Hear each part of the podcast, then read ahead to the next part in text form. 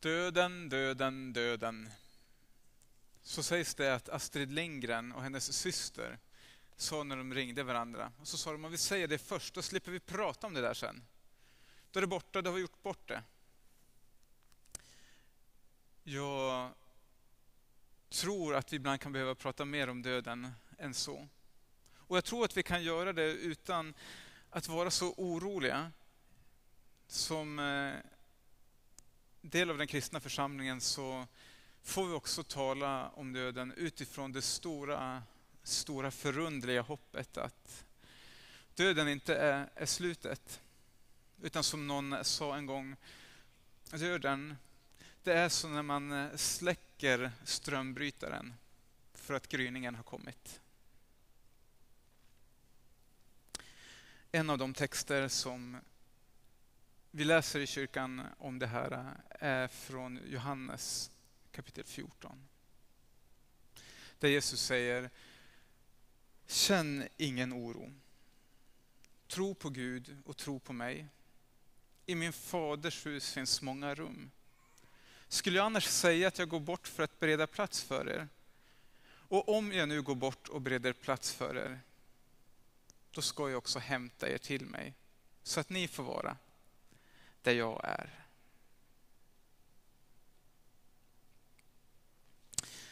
Det första Jesus säger är, känn ingen oro. Och varför säger han det? Jo, för att han känner oss. Och han vet att döden alltid i någon mån kommer att skrämma oss. Även vi som lever i hoppet om att, att döden inte är slutet, så är döden fortfarande så otroligt tydlig påminnelse om att, att vi liksom inte har kontroll på livet. Vi håller inte det helt i våra händer. Det finns inget som är självklart. Det finns relationer som vi hade velat få fortsätta i. I någon mån så, så skrämmer döden därför. Alltid. Känn ingen oro, säger Jesus då. Och så tänker jag på en, en bok som står i, i bokhyllan eh, på mitt kontor på sjukhuset. Eh, jag går förbi den några gånger varje dag och så står det Dying well. Så att dö bra. Hur, hur gör man det? Hur, hur dör man bra? Det finns ju massa så här livscoacher och människor som ska berätta hur vi ska leva så, så friskt och starkt och fint som möjligt.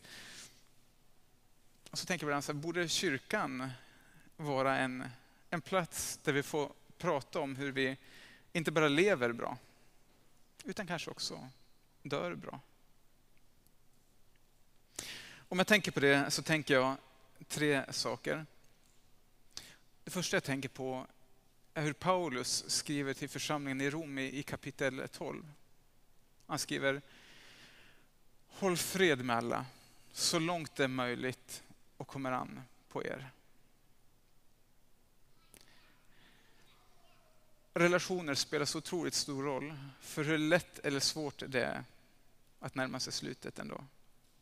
Jag har mitt jobb varit i, i rum där eh, människor har dött och det har varit så otroligt tragiskt.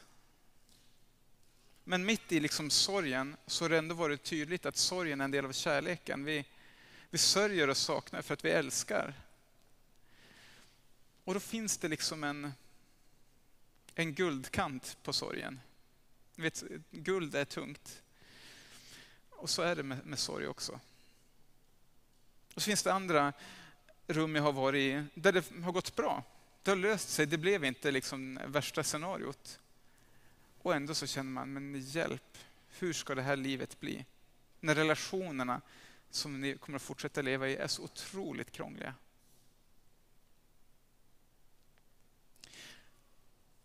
Paulus är klok när han säger så långt det är möjligt och kommer an på er.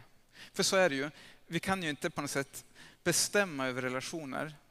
Eh, även om vi alltid önskar att det skulle vara enklare så blir det inte alltid det, för det finns liksom en annan part också. Det kan vara en relation till en, en förälder, eller en vän, eller ett syskon eller ett barn. Och det är inte så enkelt. Nej, det kan vi aldrig lova att att det ska bli. Vi kan aldrig kräva att det ska bli det. Men så långt det är möjligt och kommer an på er, vårda de relationerna. Så blir det enklare ändå. Om det är liksom en, en läxa att stava på så tänker jag en annan läxa att inte bygga sin identitet på det man gör utan på, på vad man är. Min morfar, han var en, en riktig kraftkar, Folke Grenholm från Kolaboda utanför Skellefteå. Han kom från en släkt med, med kraftkarlar. Hans pappa i sin tur gick på händerna upp för en trapp på sin 70-årsdag. Jag har som alltid tänkt att, att jag också ska göra det. Och jag har ganska många år på mig att öva, så att jag känner mig lugn än så länge. Tills jag är 70 ska jag ha lärt mig. När morfar blev äldre så sa han ofta, nu går jag in i avklädandet. Och med det menar han att det finns en massa saker som jag har kunnat, som jag har varit duktig på. Och nu kan jag inte längre. Jag, jag orkar inte bära lika mycket ved längre. Eh, jag hör inte längre vad människor säger som jag har älskat att prata med. Det tas ifrån mig nu. Allt det där jag har gjort och som har definierat vem jag är kläs jag av. Vem blir jag då? För mig har det varit jätteviktigt att, att minnas en, eh, ett möte med en människa. Jag jobbade i Jönköping för många år sedan. Det fanns en man i församlingen som var läkare. Han började känna symptom och förstod att det här ska jag nog kolla upp och han kollade upp det efter konstens alla regler.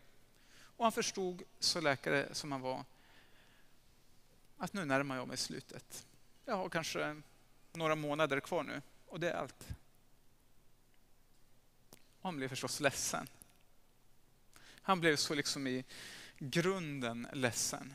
Och han hade en, en dikt som han berättade att han liksom gick och stavade på hela tiden, för han tyckte att den definierade liksom vem han var. Och den började så här, om jag är trött, sjuk och ledsen.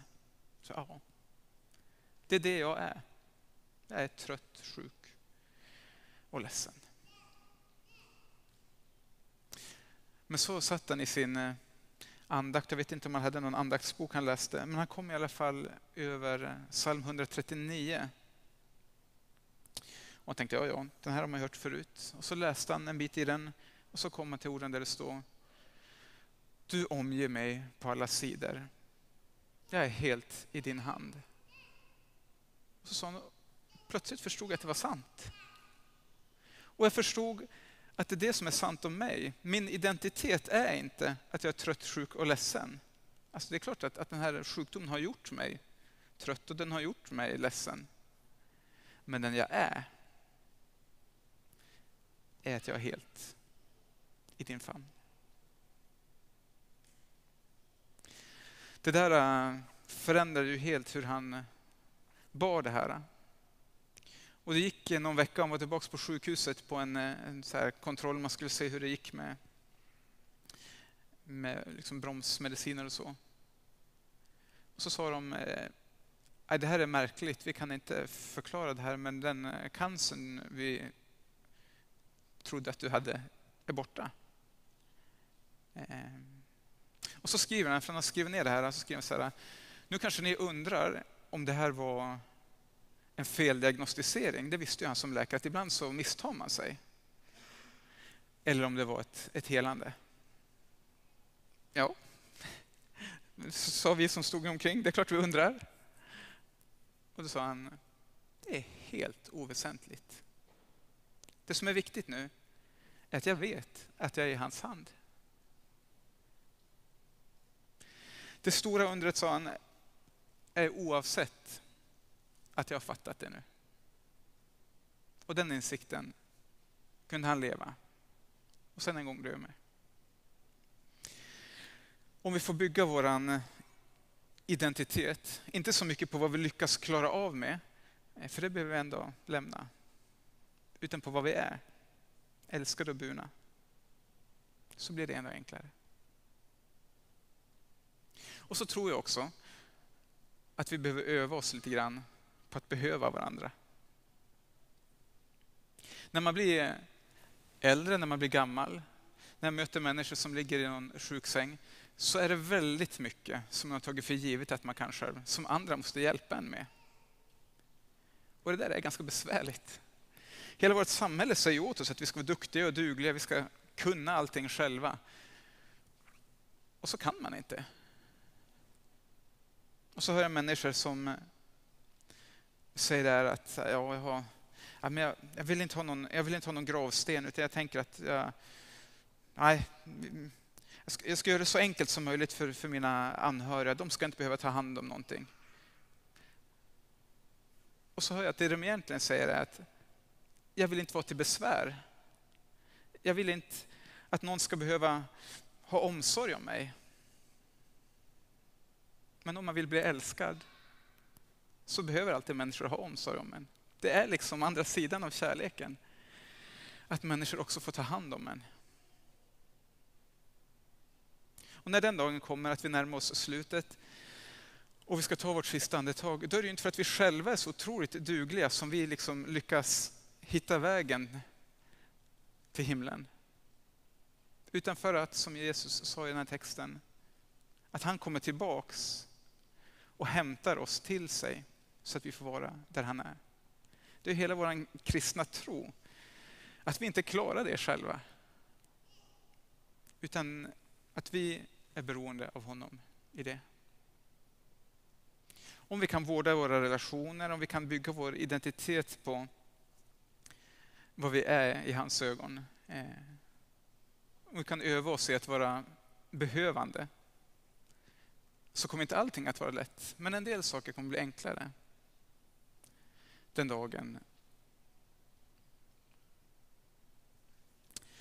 Det händer ibland att jag sitter där vid en sjukbädd och en människa frågar vad finns egentligen på andra sidan? Då brukar jag luta mig fram och så säga jag har ingen aning. För det har jag inte, för jag har inte varit där.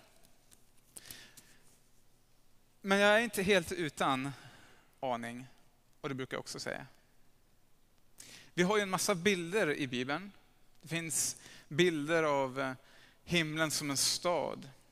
Det finns bilder av himlen som är liksom en, en, en, en natur.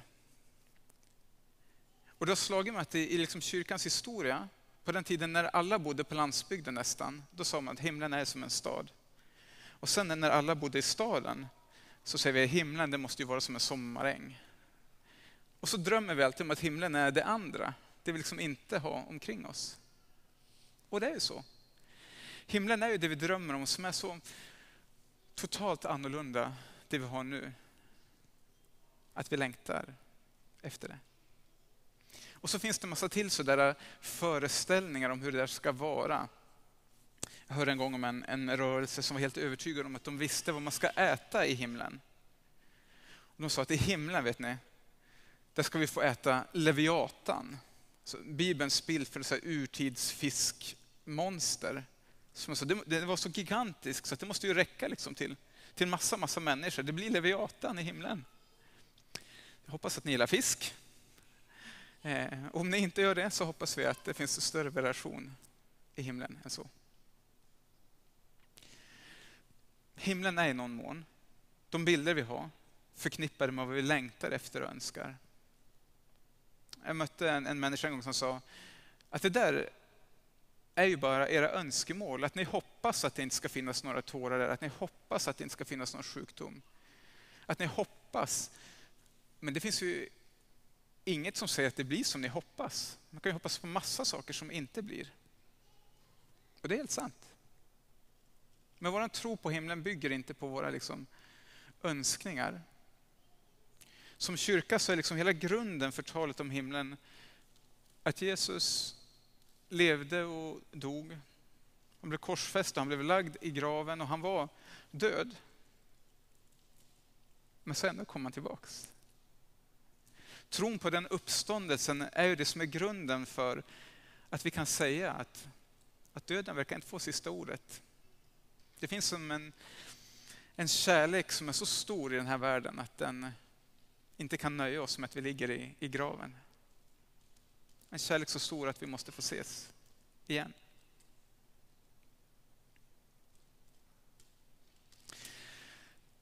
Likväl så har vi en massa bilder om hur det är där. Och en av de vackraste bilderna för mig eh, handlar om ett barn, lite större än Oscar, kanske så en fem sex år. Eh, kommer från en bok som heter Det odelade hjärtat och är skriven av, oh, nu tappade jag det. Vad heter? Martin Lönnebo, tack. Tack. Du var snabb på den. Eh, Martin Lönnebo, han, eh, ni vet han som gjort Frälsarkransen och sådär. Han skrev den här boken och i den boken så skriver han om ett barn som har en dröm. Och det här barnet drömmer att, att hon har kommit till himlen. Och himlen är i den här drömmen en, en äng. Framför henne så går det en, en stig. Och eh, eh, längst ner på stigen så ser hon barnen som leker och Jesus som är där och leker med barnen. Så märker hon också att det kommer att gå någon på den här stigen. En pojke, och även om hon aldrig har sett honom förut så vet hon vem det är. Det är Pipeto. Ett eh, gatubarn från Centralamerika någonstans. Pepeto går med liksom böjt huvud och, och sörjer det liv som blev hans, det korta liv som blev hans. Och han, han saknar sin mamma som har dött före honom. Men när Jesus ser att han kommer så lämnar han leken och, och springer upp för stigen och, och ställer sig framför Pepeto. Och så står han där. Och sakta så lyfter pojken blicken och, och Jesus ser på honom och han ser på Jesus och så börjar Jesus le och, och pojken ler. Och så tar de varandra i handen och springer ner i, i leken. Och så säger flickan i den här drömmen, himmelriket, det är att vara lyckligt sedd. Jag vet inte om det är en, en äng eller om det är en, en stad. Men jag tror att det är sant. Att en dag, när det är våran tur att gå dit, så står Jesus där. Då har han liksom kommit tillbaks för att hämta oss till sig. Och han ler. Och han säger Välkommen hem. Vi ber tillsammans.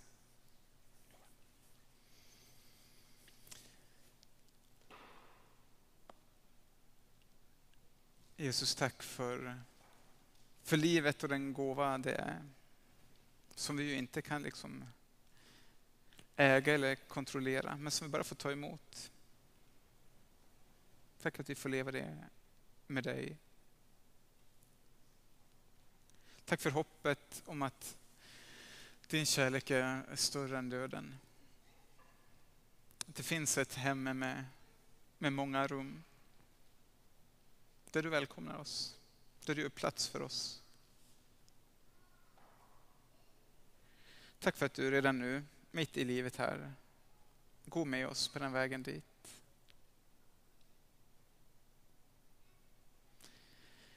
Hjälp oss att göra trygga i det.